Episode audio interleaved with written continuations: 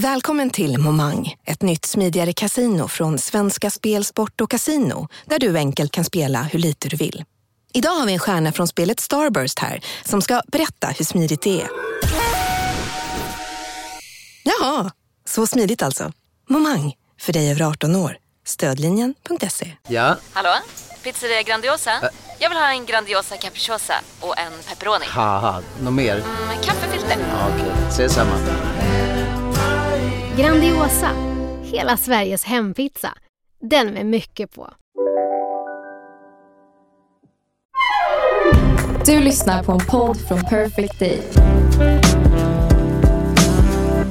det är ju faktiskt inte så att Zlatans farsa är den enda svensk som får möjlighet att stifta bekantskap med Mino Raiola och liksom träffa honom öga mot öga i Turin hösten 2004. Jag känner ju i alla fall till två andra svenska medierepresentanter som får möjlighet till ett sånt här möte med Raiola under den här Just det. perioden. Och en av dem hette Håkan Andreasson Ja. och sitter här. Och för alla er som tror att det enda han har gjort i yrkeslivet är att sitta och svara vagt och fel på frågor om svenskar i Slavia Prag, så måste du ju ändå nu berätta om en annan del av ditt yrkesliv och vad den roll du hade då kunde medföra. Ja, herregud.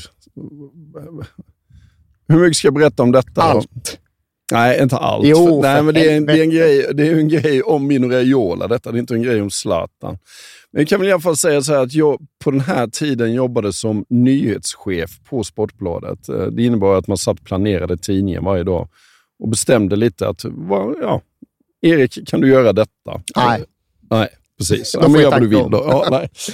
Eh, och på den här tiden så, precis när han kom till Juventus, så hade han faktiskt ett marknadsföringskontrakt med Aftonbladet. Om inte Eh. annat hade han väl haft under Ajax-tiden. Han, ja, men han hade ju... eh, Det, det hade inte så mycket med Ajax-tiden att göra, utan det hade med hans förra agent hade sytt ihop detta med Aftonbladet. Och detta ville ju då Zlatan verkligen ta sig ur. Och relationen mellan Zlatan och Aftonbladet var ju väldigt, väldigt dålig. Och Då hörde Mino av sig och sa att kan ni inte komma ner till eh, Turin eh, och ta med det där kontraktet så att vi kan bli av med det och sen så får ni prata med Zlatan och så bygger vi broar, som han sa det då. Build some bridges. Och här ska det ju sägas att delegationen som Aftonbladet skickar består av två personer. Ja, En chef och en eh, mer skrivande journalist. ja. Det var alltså Håkan Andreasson och Robert Laul Ja. som åker ner till Turin. Och Robert Laul är väl inte liksom då Zlatan, Zlatan Ibrahimovic eh, stora hjälte vid, det här, vid den här tiden. Finns det någon tanke där i att han ska vara vårt svar på Mino Raiola? Lite Ah, liksom Hawaii-shorts Jag vet faktiskt inte riktigt vad tanken är med detta. Utan jag, jag blir mer nedskickad. Ja, men du, du får åka ner sådär då, och ta, ta med dig... eh, Ja, Laul får du ta med som reporter. Det, det är nog mer tanken att ja, men så gör vi en intervju med, med Zlatan när vi ändå är där nere. När broarna liksom. har byggts. Liksom. Ja, exakt.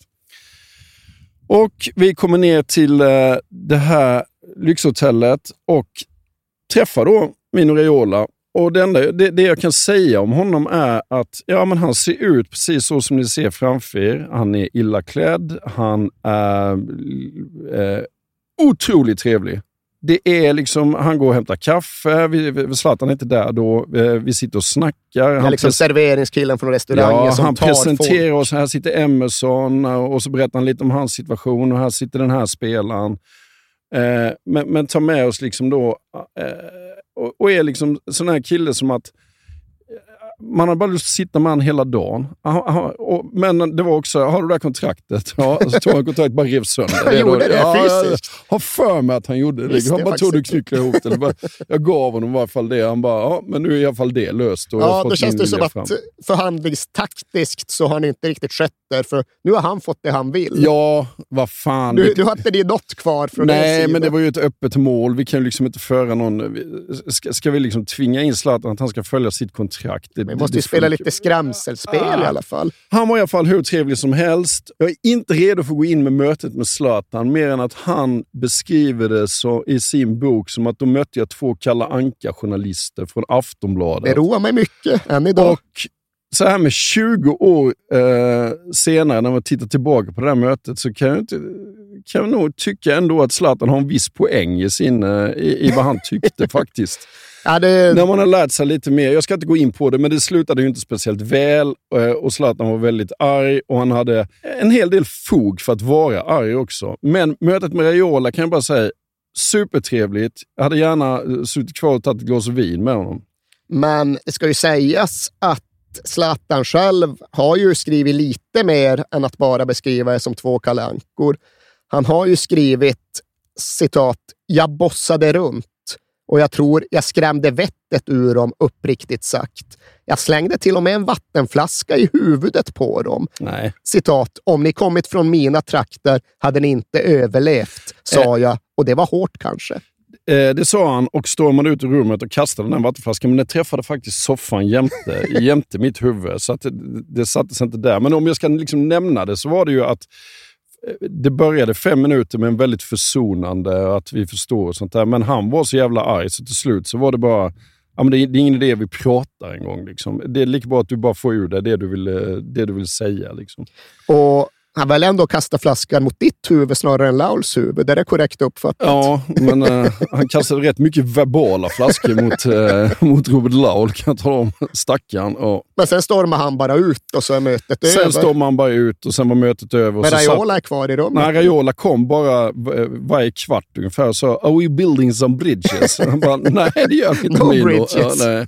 Och så satt hans jättedyra advokat satt med under mötet också och han sa efteråt då liksom att Alltså Zlatans eller Raiolas eller Juventus. nej, det var Zlatans och Raiolas advokat. Jag minns Eh, att du beskrev det som att hans visitkort var typ fem centimeter tjockt. Ja, alltså det var helt sinnessjukt. Och han bara, I don't know why he's so pissed. Så alltså, jag fattar inte riktigt sådär liksom. Men Men var det här då slutet på din dialog med Mino Raiola, eller?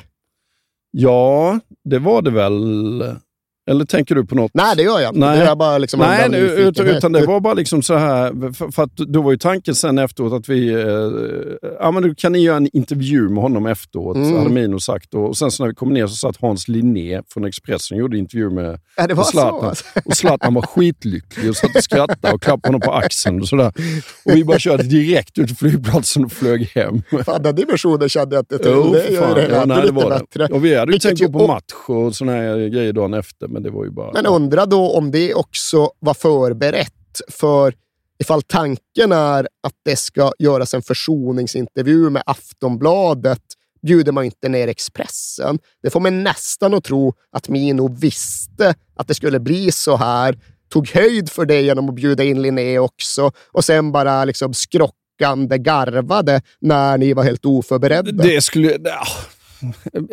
Inte utifrån det jag träffade eh, så, så var han liksom supertrevlig och då, eh, då tror jag inte han hade kommit in liksom varje kvart och frågat ifall, ifall vi byggde broar och allting var bra och vill ni ha kaffe? Och, Vet du, jag tycker det verkar som en maximal Raiola-triumf.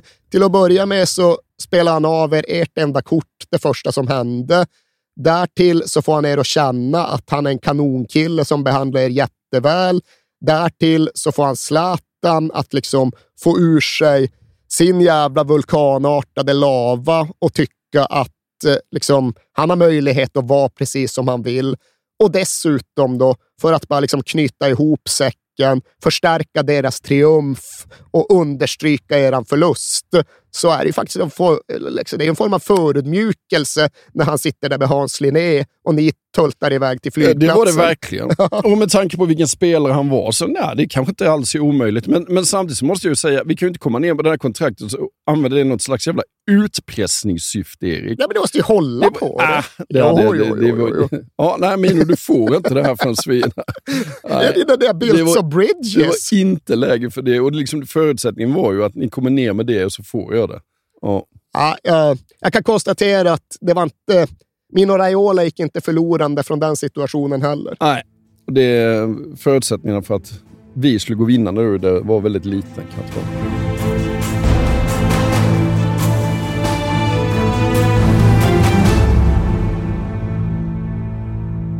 Okej, Zlatan i Juventus. Hur funkar det? Ja, men det funkar ju i grund och botten på de allra flesta sätt jävligt väl. För nu har ju då Zlatan kommit till Juventus-världen, eller i Mino Raiolas kontext, Pavel Nedved-världen. Alltså miljön där man tar professionalism och prestationsmax längre än någon annanstans. Och nu fick ju då Zlatan spela och träna med denna Pavel Nedved som hans agent ja, men i praktiken byggt upp en hel världsbild runt. Och då kan man ju tro att oj, nu skär sig verkligheten med den här kulissen. Men det är ju precis tvärtom. Så att vi konstaterar att fan, egentligen trodde ju alltid att du överdrev, men han är ännu mycket galnare än du sa, den här killen. Ja. Så Pavel Nedved levde upp till sin del av historien om Mino Raiola och Zlatan Ibrahimovic skulle sannoliken komma att leva upp till sin.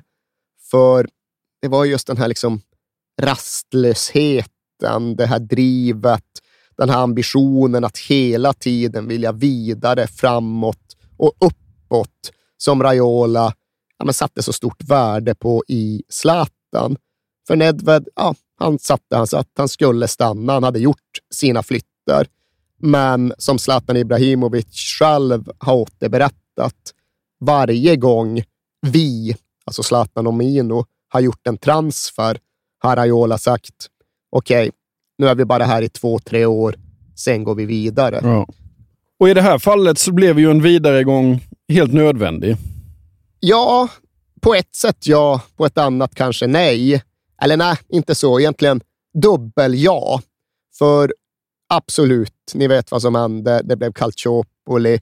Moggi störtade och Juventus föll isär. Och därefter var det ju alle man över bord och var och en klara sig själv i väldigt hög utsträckning. Men Mino menade ju att han i själva verket förutsett imperiets fall tidigare. Precis som han hade gjort med Craniottis Lazio, precis som han i ett senare skede skulle göra med Berlusconis Milan, så hävdar ju han att han såg tecknen långt mycket tidigare.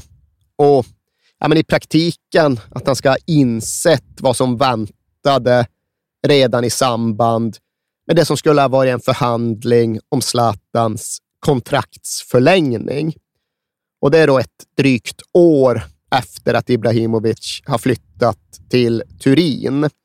Och eh, ja, men det är avtalat mötestid. Ja, nu är det lite andra tider, lite annat läge än när Raiola först fick sitta i det där rökiga väntrummet i Torinos högkvarter utan att någonsin komma fram till Luciano Moggi. Nu stövlar han in tillsammans med Zlatan i förtid på Moggis kontor, sätter sig i Moggis stol och lägger upp fötterna på bordet och ska då sitta så när Moggi väl kommer in i rummet. Och ja, det där är väl bara skådespel och bravado, men det kom någonstans ifrån och utvecklingen som sen följde kom också någonstans ifrån. För den där kontraktsförlängningen som alla ändå var överens om, den blev aldrig påskriven. Och det hade ju inte att göra med att Raiola hade suttit med fötterna på bordet och inte heller hade det att göra med att Zlatan blev utvisad mot FC Bayern i Champions League kort därefter. Det är annars en sån där grej som återkommer ibland, att Modji ska ha blivit så förbannad att han ska ha vrålat att Zlatan kunde köpa sin kontraktsförlängning i röven och att Zlatan och sin sida ska ha blivit rasande och bara sagt att ja, är det så så ska jag bort här och nu. Det var väl bara liksom sånt män sa efter en upphettad fotbollsmatch. Men ja, kontraktsförlängningen blir aldrig verklighet. Den blir aldrig aktiverad. Och från Mino Raiolas synvinkel så gör han ju gällande att det faktum att det här aldrig blir uppgraderat och påskrivet ja, det ska då ha fått honom att förstå att det är något som inte står rätt till. Ja. Och så ska han börja nysta och så ska han börja snoka och så ska han ha börjat göra förberedande planer. Och kanske det, men så jäkla väl rustade, så långt i framkant ligger inte Team Raiola och Ibrahimovic när allt väl börjar rasa. Och Zlatan, han är ju Zlatan gillar ju Modji. Ja, alltså, verkligen. Ja, han kanske har gjort en, Han kanske har kört mot rött några gånger, Ja, men sånt ja. uppskattar ju Zlatan. Ja. Och han är ju själv inne på någon ganska långsökt teori om att Modji genom att inte binda upp Zlatan längre skyddar honom mot att fastna i Juventus när kraschen kommer. Och det vette tusan. Modji ska vara så altruistiskt Nej. välvillig.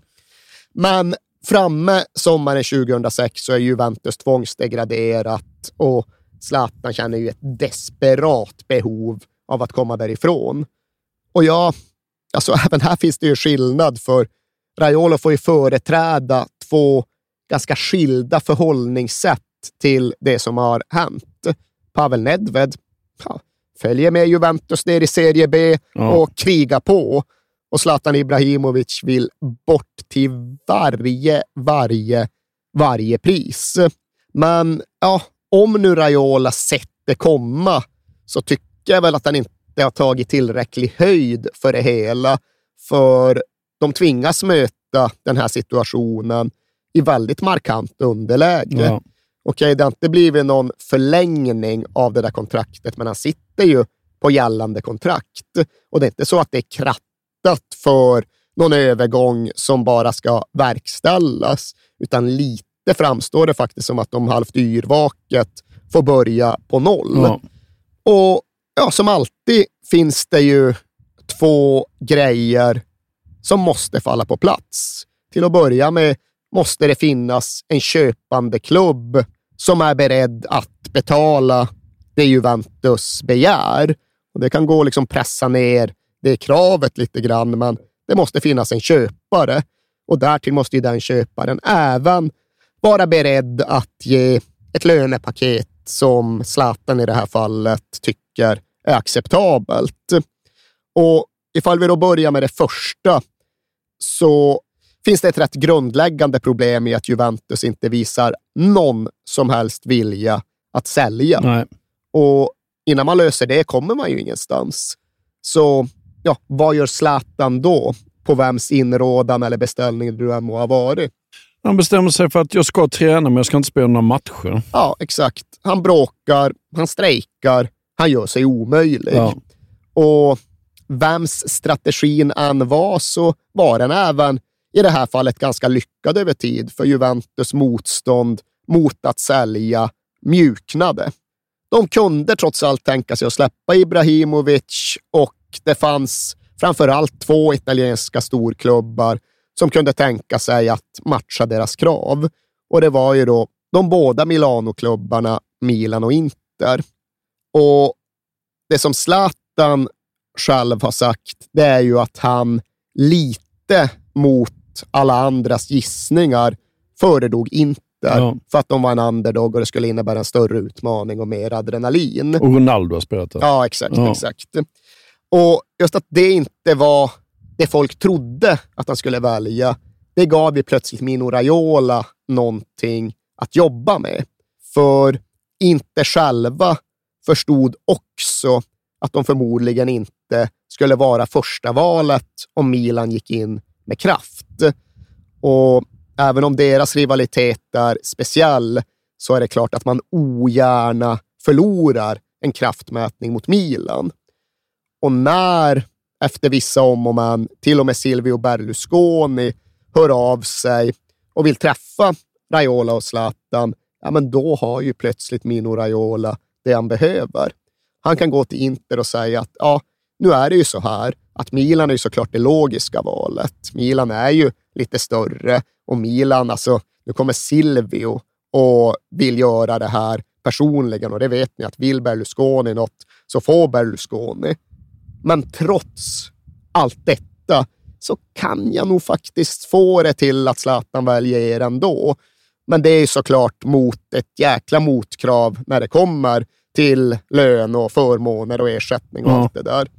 Och i grund och botten liksom har Raiola så mycket mot sig i ingången till de här förhandlingarna att han liksom inte kan rädda upp det utifrån sin egen kravbild på sig själv. För där är det typ att Zlatan ska bli bäst betald i världen. Ja. Det går inte när han sitter fast på kontrakt med Serie B-klubben Juventus. Inte lyckas tydligen förhandla ner hans utgångsbud fyra gånger och det svider i Raiola Ja. i många år därefter. Men trots allt så syr han ändå ihop någonting som blir jävligt bra och som Zlatan själv vill. Och det är ju Berlusconi-faktorn som han använder som utslagsgivande trumfkort. Okej, nu är det så här att jag har bokat med Silvio på Gianninos, inte fan vet jag, klockan 22 ikväll eller Ja. någonting. Och ni förstår ju också att åker vi dit så kommer vi gå därifrån med en överenskommelse. Så ni har haft på er fram till 21.30. Och här är det absolut lägsta vi kan tänka oss att gå med på. Så vad säger ni Marco Branca och Massimo Moratti? Klockan tickar och nu har ni faktiskt bollen framför era fötter, men ni måste ju kicka in den i mål. Och nu är det tre timmar kvar, men snart är det bara två timmar kvar och sen, ja, sen blev det överenskommet och klart med Inter. Sen är det lite, man får inte glömma att de här, de här gubbarna, Berlusconi och Moratti, de är ju småpojkar innerst inne också. Nu ska Vem- snuva honom på det här. leksaksbil? liksom. ja. Nej, visst finns det ett stort sånt inslag och det är precis det Raiola använder Ja. här. Men det där är väl utifrån just ja, men, hans karriär. Nu pratar vi inte om en fotbollsspelare i första hand, inte om mål och assist och titlar.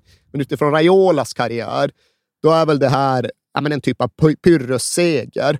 Han är ändå nöjd med att få bort Zlatan från Juventus och få honom till klubben dit han själv helst ville.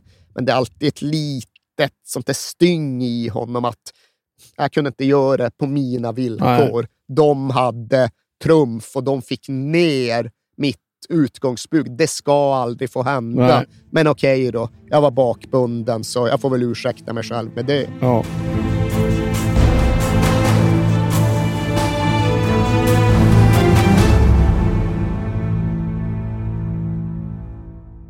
Håkan, Ja. vi har ju en 90-åring med oss precis som vanligt. Och det är ju Verkligen. Svenska Spel och Stryktipset. ja. Mm. Och därför är det så bra att vi är sponsrade av Stryktipset. Ett spel från Svenska Spel, Sport och Casino för dig över 18 år. Exakt. Och stödlinjen.se finns där de har problem med sitt spelande. Ja, Ja, precis. Det är bra att vi har med oss dem så vi får fira dem riktigt ordentligt. verkligen. Och vi firar ju tillsammans med er lyssnare. För att de här är ju rätt unika, de här reklamspottarna. Därför att det är lyssnarna som skickar in sina historier. Och jag tycker det är helt fantastiskt att ni fortsätter att göra det. För att det blir väldigt mycket roligare. Alla de här historierna, det är liksom hela... Det är liksom ramen för vad Stryktipset handlar om, skulle man kunna säga. Verkligen. Det är själen. Exakt, och har gjort det i 90 år. Ja, ni får gärna fortsätta skicka in era stories eh, om vad som har hänt i 90 minuten på Stryktipset till kings at perfectdaymedia.se så får ni en t-shirt av oss Yes. för varje publicerat inlägg. Och idag, En lång historia idag, Håkan, säger idag har vi en lång historia som går så här. För snart fyra år sedan var jag med om en riktigt sjuk upplevelse som har resulterat i att jag blivit en riktig Stryktipsnörd.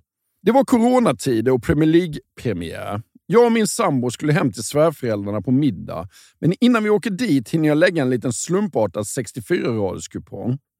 Championships-matcherna var det bara att blunda, chansa och hoppas på det bästa. Men Premier League har man ju lite kunskap om, så där vågade man tro på skrällchanser. Under middagen hade jag nästan helt glömt bort mitt spel, så jag tog upp telefonen och kollade lite snabbt på resultaten. Vad fan, alla första tio matcherna har ju gått in, så man var ju med i allra högsta grad. Jag slog igång tvn, såg på när Degerfors krossade Jönköping och 11 rätt var ett faktum. Nästa match var Liverpool-Leeds och där satt jag med ett kryss då Leeds var tillbaka igen i Premier League och vill nog ge Liverpool en utmaning. Liverpool tog ledningen tidigt i matchen, men visade verkligen att de var tillbaka igen efter nästan 20 år från fotbollens finrum. De lyckades kvittera kort efter Liverpools ledningsmål och det skulle visa sig bli en riktig jojo-match. 2-1, 2-2, 3-2, 3-3. Fram till 90 minuten stod det 3-3. Jag har 12 rätt och utdelningen är 20 000. Men Leeds nyförvärv Rodrigo Moreno får då för sig att ta bollen med handen efter Liverpool-hörna och dömer då straff till äckliga Liverpool. Ja. Oj. Ja. Självklart gör Salah 4-3 från 11 meter och vinstsumman var nu på 5 000 kronor på 12 rätt. Det enda som skulle kunna rädda mig nu var att Newcastle skulle slå West Ham borta, då våghalsiga, naiva jag fick för mig att sätta en tvåa. Jag tror aldrig jag mått så dåligt av att se en fotbollsmatch. West Ham var det spelförande laget i första halvlek, men inga riktiga chanser skapades från något av lagen. När andra halvlek blåses igång och jag hade lugnat mig lite så tar det bara några minuter innan Callum Wilson brunkar in ett ledningsmål för Newcastle och nervositeten kickar igång igen. Om första halvlek var ångestladdad så går det inte att jämföra med andra. West Ham pushar på hela halvleken för ett kvitteringsmål. De har en ribbträff bland annat, men 0-1 står sig fram till slutminuterna. Då får Newcastle en kontring. Bollen slås snett inåt bakåt och når Jeff Hendrick som pangar in 0-2 och euforin är total. 13 rätt och 500 000 kronor rikare. En upplevelse jag aldrig kommer att glömma. Sen den dagen spelar jag Stryktipset varje lördag i hopp om att få med något liknande igen. Plus att det är en jäkligt mysig lördagstradition. Stort tack för er podcast och stort tack för din historia. Mm. Colin Wilson, han har bunkrat in några baljor. Ja, precis. Vi Mm. säger stort tack till våra vänner på Stryktipset. Tack. Vi är sponsrade av Volt Fashion. Yes, det är vi. Och vad är Volt Fashion för dig, Alex? För mig är Volt Fashion lite som vad Magnus Erlingmark var för IFK Göteborg när det begav sig. Jaha. Mm. Göteborg kunde ju använda Erlingmark precis överallt på fotbollsplanen. Han var överallt. Ja. Ja, och lite så i Volt Fashion, för det är ett multibrand-utbud för män. Förstår du vad jag menar då? Just det. Mm. Ja. Du hittar tröjor, skjortor, kostymer, kavajer, byxor, you name it. Allting. Från märken som These Glory Days, Oscar Jakobsson, Tiger of Sweden, Eton, Samse Samse, J. Lindberg och Flippa K. Exakt. Och min Voltbutik som jag brukar gå in i ligger i PK-huset här i Stockholm. Ja, just det. Och det finns ju 40 butiker i Sverige och här finns ju allting. Sweaters, Allting. skjortor, kostym, kavajer, byxor. Allt du behöver både till fest och vardag med alla de här schyssta märkena du räknar upp. Och nu är det ju dags för festligheter. Våren är väl ändå här, det måste vi säga. Det är den verkligen. Och det är dags för bröllop, det är studenter, det är midsommar. Och vad vill man ha då? Ja, en kostym kanske. Ja, jag har precis köpt en kostym. Jaha. Från These Glory Days. Jaha. Jag brukar köra på Edvard-kostymen.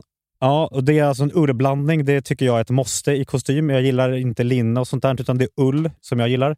Och så måste det vara regular fit, inte slim fit på mig. Nej. gillar när det liksom är lite mer rakt och, och stiligt. Så den har jag gått loss på. Jag gillar ju Oscar Jakobsson. Ja, ja, ja, ja. Svenskt, skönt och där kan jag även tänka mig linne faktiskt. Och sen är det ju så här att du behöver ju faktiskt inte gå in i en faktisk butik, voltbutik, även om det finns ganska många. Utan du kan ju gå in på voltfashion.com och där hittar du hela utbudet och, och kan bara klicka hem det istället. Så klicka in på voltfashion.com och eh, välj din kostym för våren och sommaren helt enkelt. Ja, vi säger stort tack till Volt Fashion. Alex, vi pratar ju om Blackburn och då måste jag fråga dig, vad kör Alan Shearer för bil? Ja, precis. Ja, vi pratar om Blackburn den här veckan. Ja, Eh, ja. Alan Shearer. Jag ska, jag ska nog googla det faktiskt. gör det. Jag tänker mig att han kör en riktigt sån, alltså en, en diesel. Nej, alltså det som bara jag. spottar ut. Jag tror, jag tror Shearer är en eh, riktig elkille. Faktiskt. Vad heter Blackburn? Lanc Lancastershire. Lancashire. Lan ja, exakt. Där åker han runt. Runt, runt en gammal dieselhäck. Men jag ska, Ja. jag ska googla faktiskt. Ja. Kolla. Då ska vi se. Alan Shearer Lifestyle. Alan Shearer Car. Audi RS Q8 kör Ja. han till vardags. Hybrid. Det är ju ingen dålig bil. Hybrid. Ja, 600 hästar. 3,8 sekunder på 100 meter. ja, 100 meter är det inte. 100 100 kilometer i timmen. ja. Vridmoment 800 NM. Men Säger varför pratar vi om ingenting. detta? För att vi är sponsrade av Kala. Ja, och på, det är mycket möjligt att han har insett hur jäkla smidigt det är att köpa sin bil på Karla. Exakt. Hur skulle Alan Shearer säga Kala med C? Karla. Karla. Karla. Ja. För att vi har ju eh, i tidigare eh, spottar berättat om att det är världens bästa biltjänst. Mm, Med 4,8 i. Trustpilot. Mm. Därför att vi som tycker det är jobbigt att köpa och sälja sin bil framför allt, med allt mäkt det innebär, så innebär Karla att de sköter allting åt dig. Mm. Så går du i eh, tankar med att sälja din bil och kanske vilja skaffa dig en elbil eller en elhybrid så ska du gå in på karla.se. Jag är lite sugen på att skaffa en laddhybrid. Ja. En sån Audi. Ja, ja, ja. Jag tror inte riktigt att jag kanske har råd med det den. tror jag inte du riktigt men har jag, men råd jag tror att Karl har ett bra spann på bra eh, laddhybrider faktiskt. Ja. Mm. Om du går in på karla.se och knappar in din bils info så får du en snabb och gratis värdering och ett bud på din bil. Mm. Väljer du att acceptera budet så får du gratis upphämtning av din bil i hela Sverige. Och pengarna på kontot direkt vid upphämtning. Mm. Alltså det kan inte bli smidigare än så. Och Karla sköter allt från pappersarbete till dammsugning av baksätet. Ja, alltså det, det slipper jag världsklass. gärna. Alltså. Ja. Och när du ändå är i farten så kan du kika om du hittar någon ny drömbil på Karla. Audi RS Q8. Exakt. Du kan då använda din gamla bil som inbyte och endast betala mellanskillnaden om du vill köpa en ny. Kör du till exempel runt i en gammal dieselhäck så är det hög tid att uppgradera till en elbil eller laddhybrid. Eller Alan Shearers bil då. Vem i Blackburns lag från 1995 kör runt i en gammal dieselhäck idag, tror du? Nej, jag tror faktiskt ingen gör det. Tror du inte? Nej. Ja, jag tror i alla fall att anfallspartnern där till Alan Shearer, Chris Sutton, han kör runt en gammal dieselhäck. Ja, då är det hög tid för honom att gå in på karla.se. Verkligen. Vi säger stort tack till karla.se. Tack.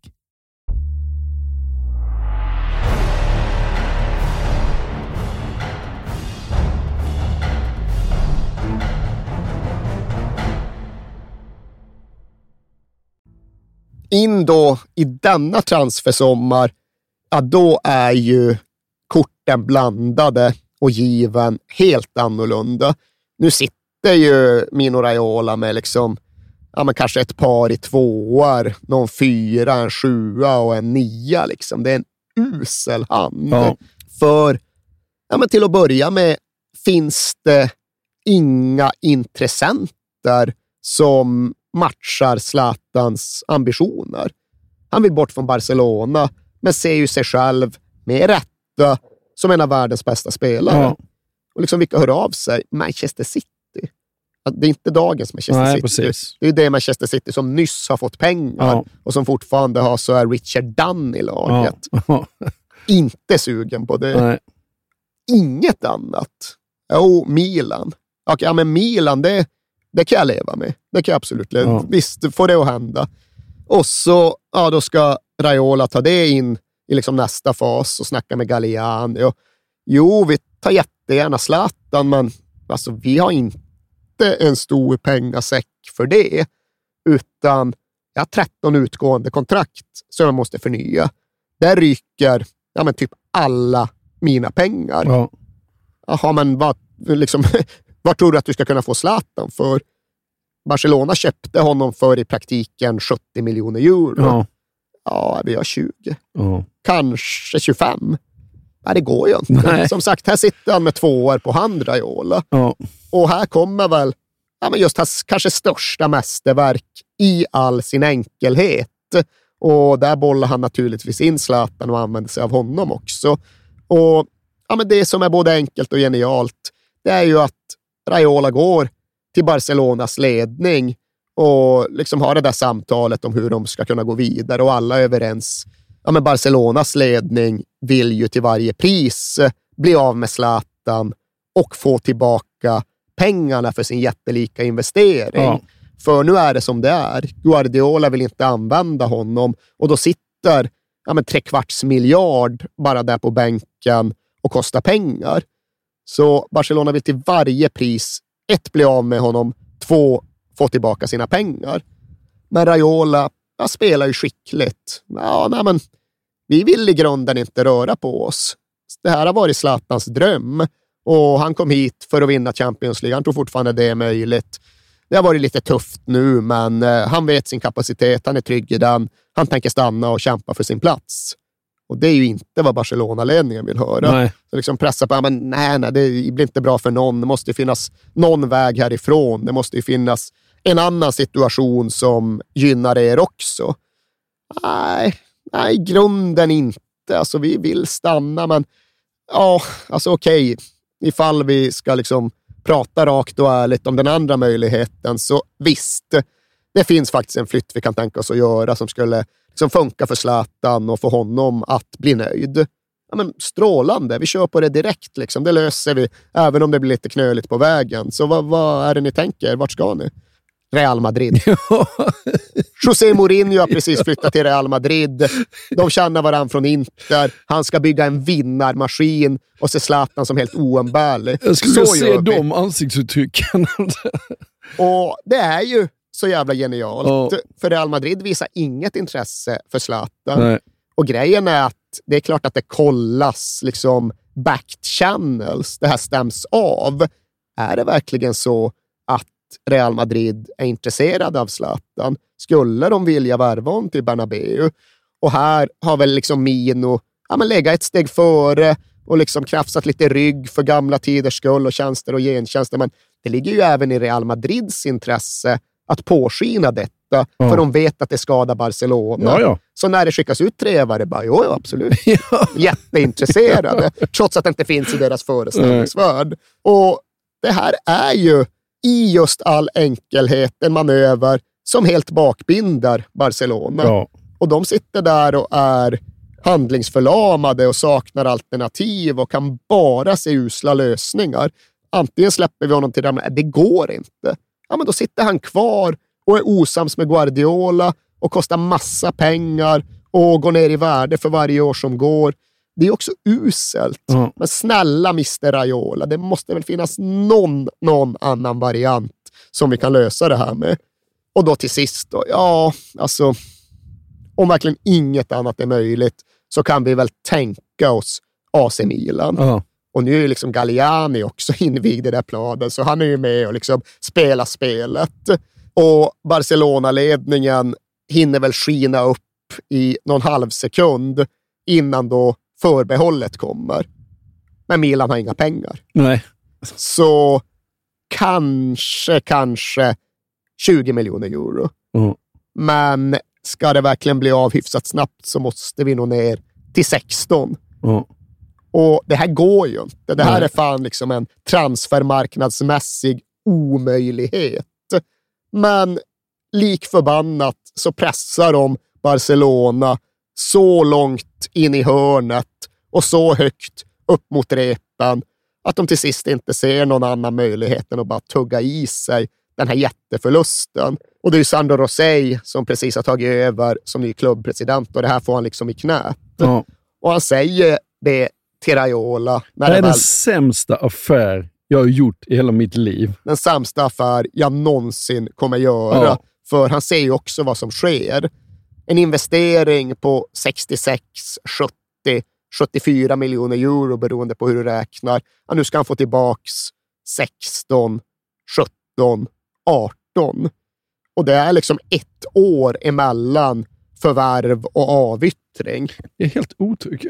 Fast ingen kunde inte lånat ut honom, eller vad fan? Ja, de, så som Team Raiola spelade pokerpartiet så var det kvar i Barcelona, sälj till Real Madrid eller vräk bort till Milan.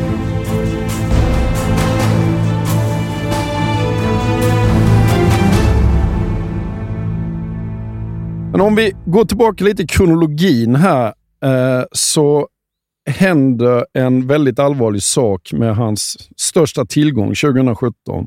Hans största tillgång, hans på många sätt närmaste vän. Ja.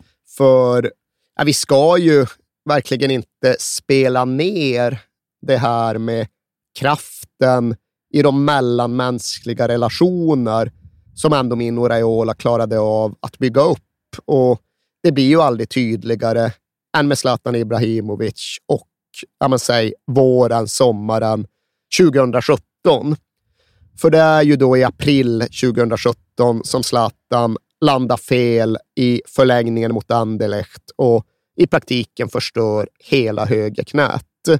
Och det är ju en extremt omfattande skada och det är verkligen inte självklart ändå 35-årig anfallsspelare ska kunna ta sig tillbaka från det här. Det hade mycket väl, det borde med en mer normal fotbollsspelare har varit slutet. Ja. Och det är klart att hur mycket lejon och övermänniska Zlatan Ibrahimovic än må vara, så tvingades han ju möta väldigt många rädslor och väldigt mycket mörker under, men kanske framför allt den första tiden efter skadan och diagnosen och sen operationen. Mm. Men längs hela den här långa vägen tillbaka, den här ovissa rehabiliteringsperioden, så gick ju Mino Raiola vid Zlatans sida. Det var han som stod där vid sjukhussängen och rehabiliteringsbassängen och liksom som ett mantra nästan upprepande viskade Don't worry, Mino is here. Och Zlatan har ju varit väldigt öppen och sårbar kring hela den här kampen och betydelsen av att ha Mino Raiola vid sin sida. Det var väl i någon av hans böcker, de börjar bli ganska många nu, men i någon av dem som han preciserade att ja, men det bästa med skitläget jag befann mig i var att jag och Mino fick vara med varandra i tre veckor.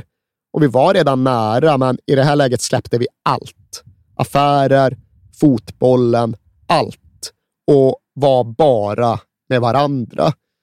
Och här syftar jag ju då först och främst på de allra tidigaste rehabveckorna i Pittsburgh, där operationen hade gjorts, där de sedan hängde kvar och där Mino Raiola hela tiden fanns som peppande stöd, tröstande hjälpreda, uppbygglig hype man. Varje morgon, som en väckarklocka när det slog åtta, Mino upp, drog ifrån gardinerna, släppte in solen. Come on big boy, we need to go to work. Ja. På samma sätt som när de först hade börjat samarbeta i Amsterdam mer än 15 år tidigare, så pressade Zlatan sig upp och förbi maxgränsen, både vad gällde ansträngning och smärta. Nu var han tillbaka uppe på Pavel Nedved-nivåer, ja. men det krävdes samtidigt också så jävla mycket. Det här var inte bara en liten ljumskskada som skulle passeras, utan det här var ju ett karriärhotande hinder som var sataniskt högt, men som då på något sätt ändå behövde ta sig över. Och ja, det frestade på. Zlatan har ju skildrat hur han efter något pass ja, men fick ett blodsockerfall. Så han blev helt yr och nej, jag måste lägga mig ner. Kunde inte gå till hissen och ta sig tillbaka till sitt rum, utan blev liggande orörlig på ett korridorsgolv där liksom förbryllade förbipasserande bara kollade på honom och undrade vad som pågick. Och till sist så fick ju Mino hjälp av Zlatans personliga fystränare för att liksom släpa honom tillbaka till rummet och sängen. Och väl där, ja, då började ju Mino Raiola mata honom med biscottis och marmelad, för då stod det klart att det var just ett blodsockerfall och Zlatan liksom skrek åt honom att sluta, men nej, nej, här kommer en till tesked med marmelad. Gapa stort och svälj. Ja, men precis som man gör med ett litet barn. Ja, och ja, Det var ju liksom sådana här stunder av fysisk hjälplöshet som Zlatan aldrig tidigare hade upplevt. Som Mino Raiola fanns där med sin tesked eller för den eller med sin tvättlapp. Man liksom kunde tvätta Zlatan där han inte själv klarade av att tvätta sig. Och det är begripligt att en sån period och en sån upplevelse förflyttade deras relation. Verkligen. Och Raiola ställer ju också upp på det där att ja, Zlatan har helt rätt när han säger att vi kom varandra närmare än någonsin där. Men när de till sist väl kom ut på andra sidan och såg ljuset och gräsplanerna igen, och det var det som att ja, men den här förstärkta och fördjupade relationen innebar att de nu kunde bråka ännu mer och ännu oftare och ännu mer högljutt med varandra. Ja. För nu började de för alltså vitt jag uppfattar det som, egentligen första gången var lite oense om de avgörande karriärsbesluten. Och det blev ett mönster som upprepade sig. För krasst uttryckt så pressade väl sig Zlatan tillbaka alldeles för tidigt. Alltså hela hans knä hade varit trasigt och urblåst. Ja. Och sen tar det inte ens sju månader innan han är tillbaka och spelar Premier League-fotboll. Men det är så typiskt honom också, för att han vill ju visa, jag är en övermänniska, ja, jag alltså. fixar allting, ingenting rår på mig. Nej, och jag vet inte fan vad en sån där skada normalt sett hade haft för rehabiliteringstid. Det är väl svårt att prata om normalitet, men jag tror säkert han kapade tre, fyra, fem månader ja. bara genom ja, sin jävla övertygelse.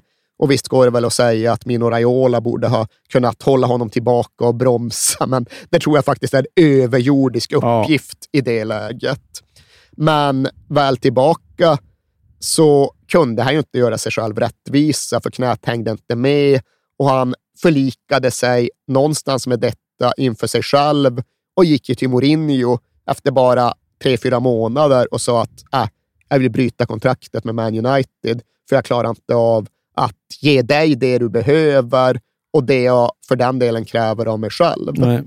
Och här är ju då första stora striden, för Mino Raiola var inte alls med på den här båten. Nej. Det var väl, tror jag i alla fall, till stor del handlade om att ja, men Man United hade gått med på att förnya Zlatans kontrakt mitt under rehabiliteringsperioden. Och när de hade gjort det, då skulle minsann Zlatan och Raiolas sida hedra den överenskommelsen och fullfölja kontraktet. Det tyckte Raiola var någon typ av hedersprincip i ja. det här läget. Medan Zlatan, ja men Mourinho förstår ju mig. Liksom. Det är inte så att de vill hålla kvar mig mot min vilja när jag inte liksom spelar på det sätt som kontraktet stipulerar. Men så fanns det väl också någonting i det där att har man USA, Los Angeles, ja, men i så fall är det ju slut. Zlatan. Ja. Liksom, då är det ju bara nedförsbacken kvar. Var det det vi tränade för? Var det det vi körde all jävla rehab för där borta i Pittsburgh? Ja, när allt kom kring så var det väl faktiskt så Zlatan kände i det här läget. Ja. Att det börjar vara ganska tomt på lejonbensin där inne. Så nu är det så här det får bli. Och där hade de då en meningsskiljaktighet. Men ja, sen kom Zlatan till Kalifornien och till Los Angeles och till Hollywood och så trippade han runt på ett ben och vräkte in en boll från 35 meter efter några minuter av debuten. Ja. Och, ja, var ju, i alla fall i en amerikansk kontext, Zlatan igen ja. under sitt första år i Los Angeles Galaxy. Och innan Mino Raiola sen visste ordet av, innan han blev invigd i framtidsprocessen, ja, då knallade Zlatan Ibrahimovic upp till Galaxy-ledningen och förlängde sitt kontrakt med ett år utan att Raiola ens var inblandad. Ha. Vet du vad han blev då enligt Zlatan? Nej. Ilsken som en puma. Ja, det kan jag förstå. Det faktiskt. värsta grälet vi har haft, sa Zlatan då. Men han menade att han hade bestämt sig. Han ville stanna i Los Angeles och han ville köra ett år till. Och han brydde sig inte om att maxa villkoren. Och han argumenterar som att hade jag släppt in Mino då hade han inte kunnat lägga band på sig själv. utan han hade gått in och behandlat de här stackars Galaxy-människorna som om de vore Modji. Liksom. Ja. Han hade kört fulspel, han ja. hade kört, kört över dem på ett sätt som hade inneburit att ja, det hade inte blivit någon bra lösning Nej. för LA Galaxy. Och Det var inte det Zlatan ville. Han ville liksom inte pungslå dem och han ville framför allt inte att Galaxy skulle tvingas inse att det var omöjligt för dem. För någonstans var nog det Zlatans egentliga farhåga. Att Mino, han tyckte jag lämnade Europa för tidigt. Han känner att det har gått ganska bra här. Han kommer fan vilja knuffa mig tillbaka mot Europa. Ja. Det är inte det jag vill. Nej. Jag vill vara här och jag vill inte att han ska komma till mig och säga att äh, nu liksom Galaxy har givit upp. De kan inte möta dina villkor. Nej. Jag vill bara skriva under den här dealen. Och det var därför jag höll honom utanför, Ja. motiverar Zlatan. Låter ju rimligt. Men Ja. flera år senare så återberättade han och sa att ah, Rayo, han har fortfarande inte förlåtit mig. Jag gjorde honom besviken. och ja, något sånt hade ju aldrig skett tidigare. Nej. Men sen följde då det här andra året i LA Galaxy och en kringskuren och motarbetad Mino Raiola ska då, i alla fall i stunder, gått runt och varit ilsken som en puma. Ja. Samtidigt som en nu 37-årig Zlatan bestämmer sig för att det faktiskt får räcka. Han tar ju beslutet inför sig själv att lägga av dagen då LA Galaxy åker ur slutspelet. Men när det faktumet då presenteras för Mino Raiola, då vägrar ju han att acceptera det. Ja. För hans grundhållning har väl alltid varit att Zlatan lämnade Europa för tidigt. Ja. Och att den här nedvarvningen inte var något han kunde relatera till. Och skulle nu allt dessutom avslutas med bara en liten fjutt, det är inte värdigt. Så Raiola påbörjade sin övertalningskampanj. Zlatan, en spelare på din nivå kan inte avsluta i MLS. Alltså vad fan, folk kommer att säga att du har blivit feg, att det inte är någon stake i dig, att du är gammal och trött och att du nöjde dig med en enkel utväg. Vart har Ibra tagit vägen? Lejonet? Du är Ibra. Du måste göra en storslagen sorti som Ibra. Och här är väl uppfattningen man får utifrån att Zlatan faktiskt hade bestämt sig. Och hur stor chans tror du liksom den genomsnittliga fotbollsfunktionären skulle ha att övertala Zlatan Ibrahimovic att ändra sig? Nej, det finns ju ingen i hela sig? världen. Mer än han då såklart. Nej, det finns det. Jag liksom har ingen bild av exakt hur Zlatans relation med hans fru fungerar. Men jag har något svårt att tänka Ja. mig att hon varken skulle vilja eller kunna ge sig in i den här typen av karriärsbeslut. Utan det är nog Mino Raiola och enbart Mino Raiola. Och här framstår det enligt Zlatans berättelse som att han egentligen besegrades mest på utnötning och ihärdighet. Det var inte så att Raiola hittade fram till en massa nya argument och retoriska trumfkort, utan han verkar mest ha tjatat på med allt det här att ja, men det här är inte den riktiga Zlatan. Du måste visa dem den riktiga Zlatan. Ska du bara försvinna och liksom gå i tysthet?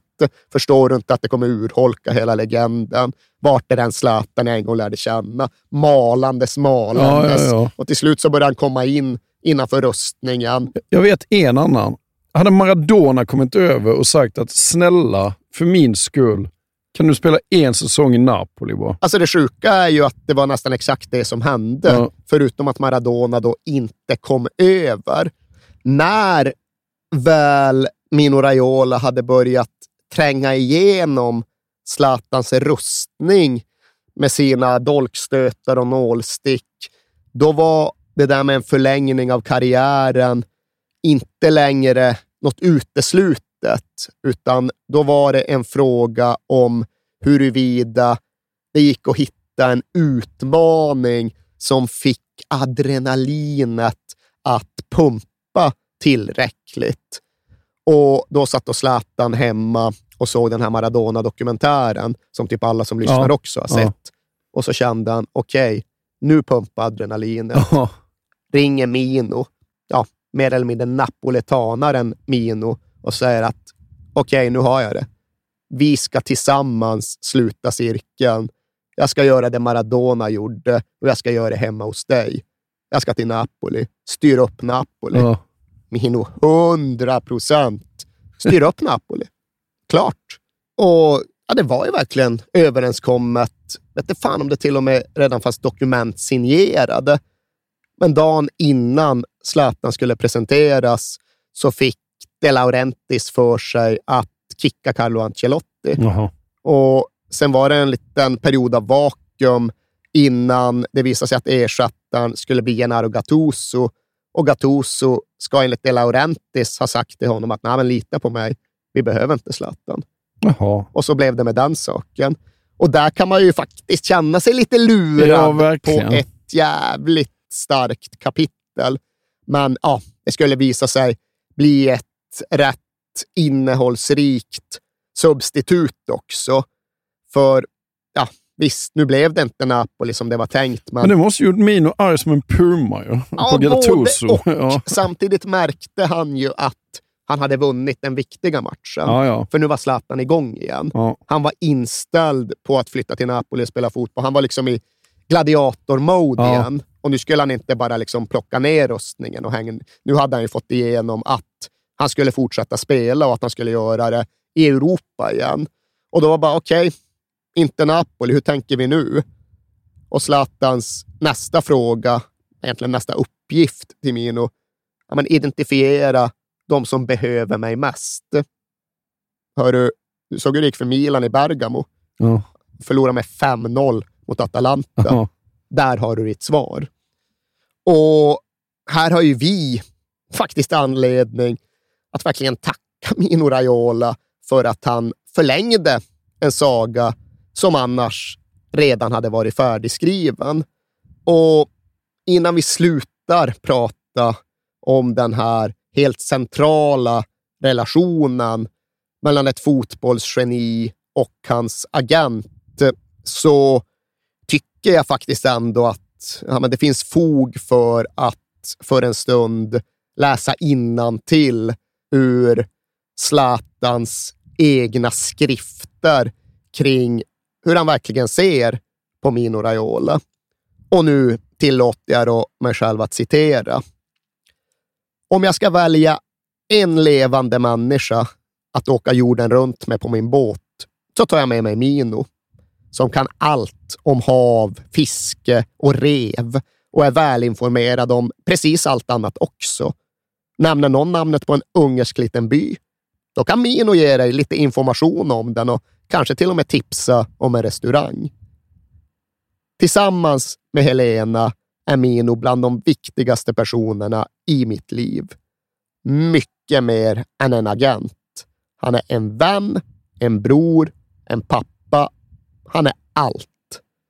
Han har stakat ut vägen för min karriär och mina triumfer. Han har hjälpt mig ur de svåraste stunderna och löst tusentals problem åt mig. Det finns inga hemligheter mellan oss. Vi delar allt.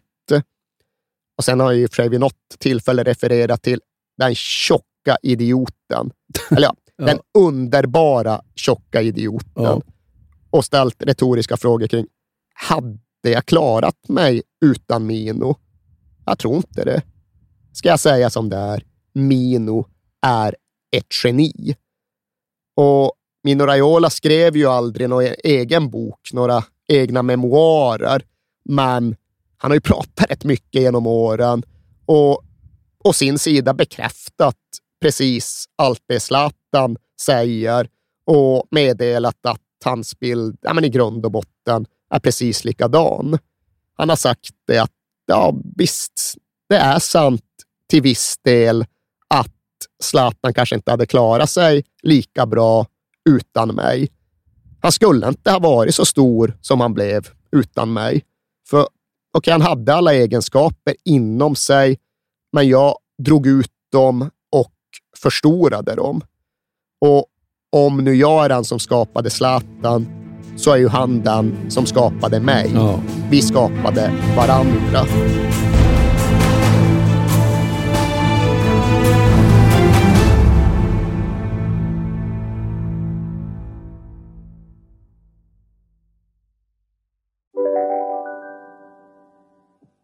Hej, Synoptik här. Visste du att solens UV-strålar kan vara skadliga och åldra dina ögon i förtid? Kom in till oss så hjälper vi dig att hitta rätt solglasögon som skyddar dina ögon. Välkommen till Synoptik. Dåliga vibrationer är att gå utan byxor till jobbet. Bra vibrationer är när du inser att mobilen är i bröstfickan. Få bra vibrationer med Vimla. Mobiloperatören med Sveriges nöjdaste kunder enligt SKI. Nu ska du få höra från butikscheferna i våra 200 varuhus i Norden. Samtidigt. Hej! Tack. Jo, för att med så många varuhus kan vi köpa kvalitetsvaror i jättevolymer. Det blir billigare så. Byggmax. Var smart. Handla billigt.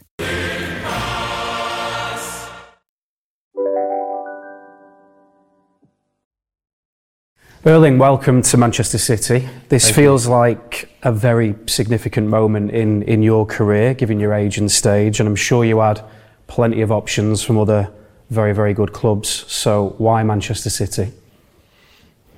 Uh, first of all, my father, a little bit. Um, uh, I was born in England. I've been a City fan my whole life. I know uh, a- lot about the club. Uh, and um, I think in the end, two things. I, I feel a bit home here. And uh, also, I, I think I can develop uh, and uh, get the best out of my game in, in City. Men när övergången väl ska genomföras så, så finns ju inte Mino Raiola bland oss längre. Nej, det är ju den sorgliga sanningen. Sa jag tidigare att 20 miljoner euro skulle tillfalla Mino Raiola, så var det inte så det blev. Det var inte heller så det var skrivet. 20 miljoner skulle tillfalla Mino Raiolas agentur. Och Erling Haalands övergång från Borussia Dortmund till Manchester City, ja, den tillkännages ju då den 10 maj 2022 och då lever inte längre Mino Raiola. Då är det istället hans trogna jurist Rafaela Pimenta som skriver under de sista pappren och knyter ihop hela transfersäcken. Och då har det gått lite knappt två veckor sedan Mino Raiolas liv ja, men avslutades på ja, karaktäristiskt sätt med en sista showig cirkusföreställning. För vid det laget hade ju Raiola varit svårt sjuk under en ganska lång tid. Han hade, så vitt jag har förstått det, drabbats av samma sån här lungemboli som även hans pappa led av. Och detta tillstånd hade då ytterligare förvärrats av covid. Och redan i januari 2022 så började det ju cirkulera rykten om att det var riktigt illa ställt med Mino Raiola. Att det var direkt kritiskt att hans liv kanske inte skulle gå att rädda. Och sen kom ju den här torsdagen i april då det plötsligt kablades ut över världen att Mino Raiola hade avlidit bara för att rapporterna några få timmar därefter skulle övergå i uppgifter om att han inte alls var död, utan fortfarande kämpade med allt han hade. Och liksom, bland alla Mino Raioliga saker som sades och kommunicerades genom åren så var det väl nästan det mest Mino Raioliga som någonsin hände när det på hans eget officiella Twitterkonto plötsligt ramlade ner en uppdatering. Nuvarande hälsostatus för de som undrar. Förbannad på att de har avlivat mig för andra gången på fyra månader. Verkar också kapabel att återuppstå. Och jag har ingen aning om huruvida det var Mino Raiola själv eller någon av hans närstående som skrev den där uppdateringen. Men var det någon runt omkring honom så lyckades de väldigt, väldigt väl med att fånga vem Mino Raiola var Ja. och hur han tänkte och Man älskar opererade. det såklart. Ja. Ja. Men det var Ja. på sitt aviga, bakvända sätt en väldigt värdig slutpunkt. För tyvärr var det ju en slutpunkt det visade sig bli. Det gick ytterligare två dygn, men sen kom den sorgliga nyheten igen och den här gången var det ju på riktigt. Nu hade verkligen Mino Raiola avlidit. Och timmarna som följde därefter präglades ju i vårt hörn av världen av att sociala medier fylldes av hedersbetygelser och men faktiskt vördnad för Mino Raiola från stora delar av fotbollsvärlden, men framför allt från flera av de allra största stjärnorna och namnen. Och det här var ju också någonting som präglade den privata begravningsceremonin som hölls i Monte Carlo några dagar senare. Liksom alla de här fotbollsgrabbarna var ju där. Från liksom Pavel Nedved då till Erling Haaland nu. Det var Verratti och det var Donnarumma och det var Fabregas och det var DeLicht och ja, det var ju naturligtvis Zlatan Ibrahimovic. Och nu upprepar jag ju och jag ska inte klampa runt och hålla på med en massa spekulationer. Men enligt italienska medieuppgifter så var ju då Zlatan en av dem som fanns vid Mino Raiolas sida när han låg på dödsbädden där på sjukhuset. Och Zlatan kom ju bara några veckor senare att tillägna Milans rätt sensationella ligatitel till Mino Raiola. Och sen väntade vi oss alla att han skulle avsluta sin karriär, för det där knät, ja, det behövde opereras ännu en gång och herrejösses, karln ska fylla 41. Men mot all logik så kommunicerade han ju istället att hans avsikt var att kämpa sig tillbaka och skriva nytt kontrakt med AC Milan. Och jag ska som sagt inte hålla på och liksom snaskspekulera en massa, men jag tillåter mig ändå att i alla fall tänka tanken att inte undra lite för mig själv att fan vet om det inte någonstans kanske kan vara så att Zlatan och Mino under sina sista samtal just har resonerat om hur det ska bli med fotbollen framöver. Och Mino Raiola återvänt till det där som han ändå tycks ha pratat ganska ofta om under de här senaste åren. Ja, men, liksom, lägg inte av för tidigt. Lägg inte av innan du måste. Pressa dig, inte till max, nöj dig inte med det. Pressa dig förbi max. Pressa dig upp till nivåer där ingen tidigare har varit. Dit folk inte ens har kunnat föreställa sig att titta. Och ja, Det finns något i mig som undrar om det inte kan ha varit en sån där sak som de någonstans kom överens om framåt slutet. Att så länge det finns minsta möjlighet, så länge det finns minsta kraft, så ska Zlatan Ibrahimovic fortsätta spela fotboll och fortsätta bygga på sin egen legend. Jag är i alla fall helt övertygad om att Mino Raiola hade varit väldigt belåten med det här beslutet, alldeles oavsett om han diskuterat det med Zlatan eller inte. För det ligger ju helt i linje med ja, men vem Zlatan är och med den karriär han har haft och med den karriär som Mino Raiola alltid ville att han skulle ha.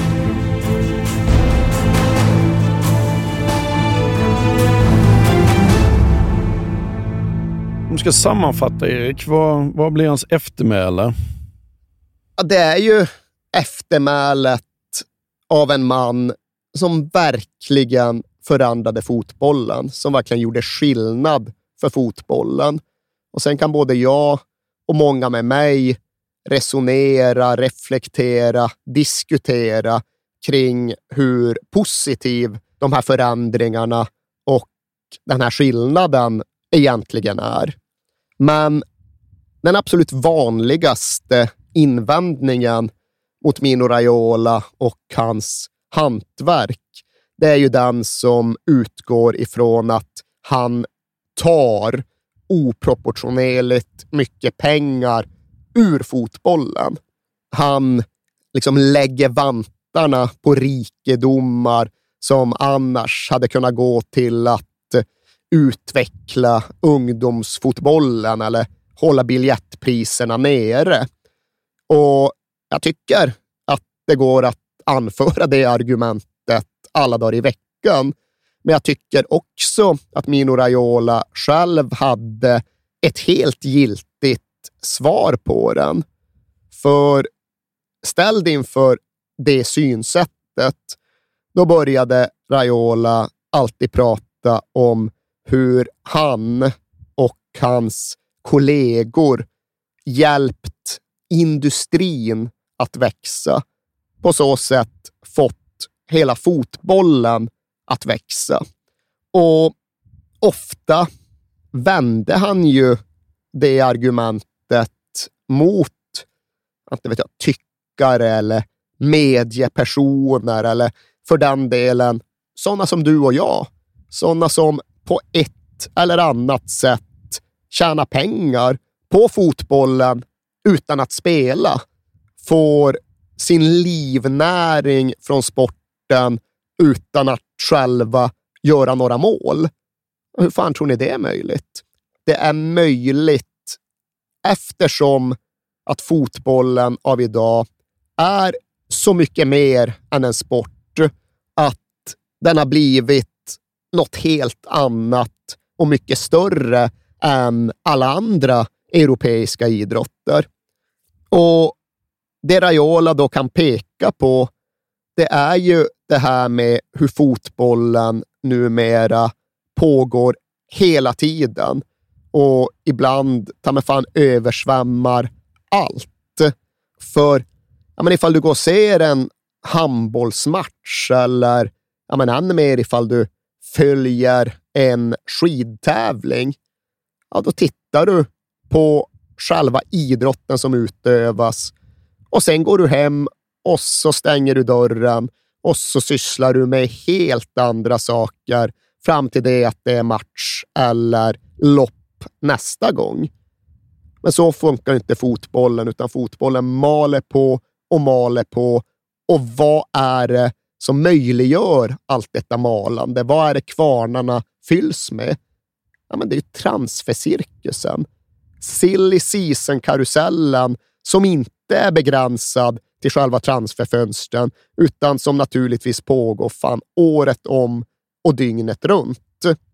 Och själv kan jag verkligen känna att det där står mig upp i halsen rätt ofta, men jag accepterar verklighetsbeskrivningen som gör gällande att liksom transfercirkusen numera engagerar ja, men, nästan lika mycket som själva matcherna. Och den fyller definitivt större medieutrymme än själva matcherna. Ifall du håller på Manchester United så tittar du på max två gånger 90 minuter i veckan när din favoritklubb spelar. Men jag kan garantera att väldigt många lägger mer än två gånger 90 minuter för att uppdatera sig om transferläget. Och den situationen, det skådespelet, det menar ju Mino Raiola med ganska stor rätta att det har jag och sådana som mig byggt upp och skapat och det genererar oerhört mycket mer intresse och mycket mer ekonomi till fotbollen än vad vi tar ifrån den. Som man brukade säga, ja men ifall inte vi fanns, ifall inte det vi gjorde existerade, vad fan ska ni då ha i medierna mellan måndag och fredag? Och mycket av det där har jag liksom inget annat val än att acceptera att hålla för sant. För jag tror det stämmer. Och både du och jag måste någonstans också förlika oss med en realitet där det förmodligen är så att vi tjänar mer pengar på den här podcasten tack vare att det någonstans i förlängningen är knutet till hela industrin som dagens fotboll har kommit att bli. Och ja, klart jag sveps också iväg av transferkarusellen, både nu och då. Men det jag inte kan ställa upp på, ja, men det är såklart den här beskrivningen av att det som finns är matcher och övergångar och sen inget annat. Det är det som är fotbollen. Det är det som ger den sitt numera uppumpade värde. Tänker man så, ja, men då begriper jag att egentligen allt Mino Raiola sa och gjorde och stod för hänger samman. Men då tycker jag ju att man i ja, men, ganska obegripligt svår utsträckning blundar för samhällsnyttan och sammanhangsskapandet och den sociala kraften, den kulturella kraften, den politiska kraften. Ja, men allt det där som i mina ögon är det sanna innehåll som fotbollen har och som tar över när domaren blåser i pipan och själva matchen slutar. Men ja, min bild och mina åsikter är inte sanna och de kanske inte ens är särskilt representativa nu för tiden. För jag liksom kan inte bara skaka av mig bilderna jag såg sommar 2019 när Mino Raiola var i Turin för att göra affärer med sin gamla kompis Pavel Nedved och knyta ihop Matthijs de Lichts övergång från Ajax till Juventus. Då möttes han ju av tusentals fotbollssupportrar som stod där utanför arenan och väntade och som såg honom och som skanderade Mino, Mino, Mino, Mino. De var fotbollssupportrar, precis som jag är fotbollssupporter. Och de stod inte där och liksom problematiserade den skenande industrialiseringen, utan de stod där och sjöng för, hyllade en fotbollsman som givit dem glädje och berikat deras liv. Och när vi nu stänger berättelsen om Mino Raiola tycker jag absolut att den bilden funkar som avslutning. Gå med mig Bakom skuggor ser du solen Och när du tvivlar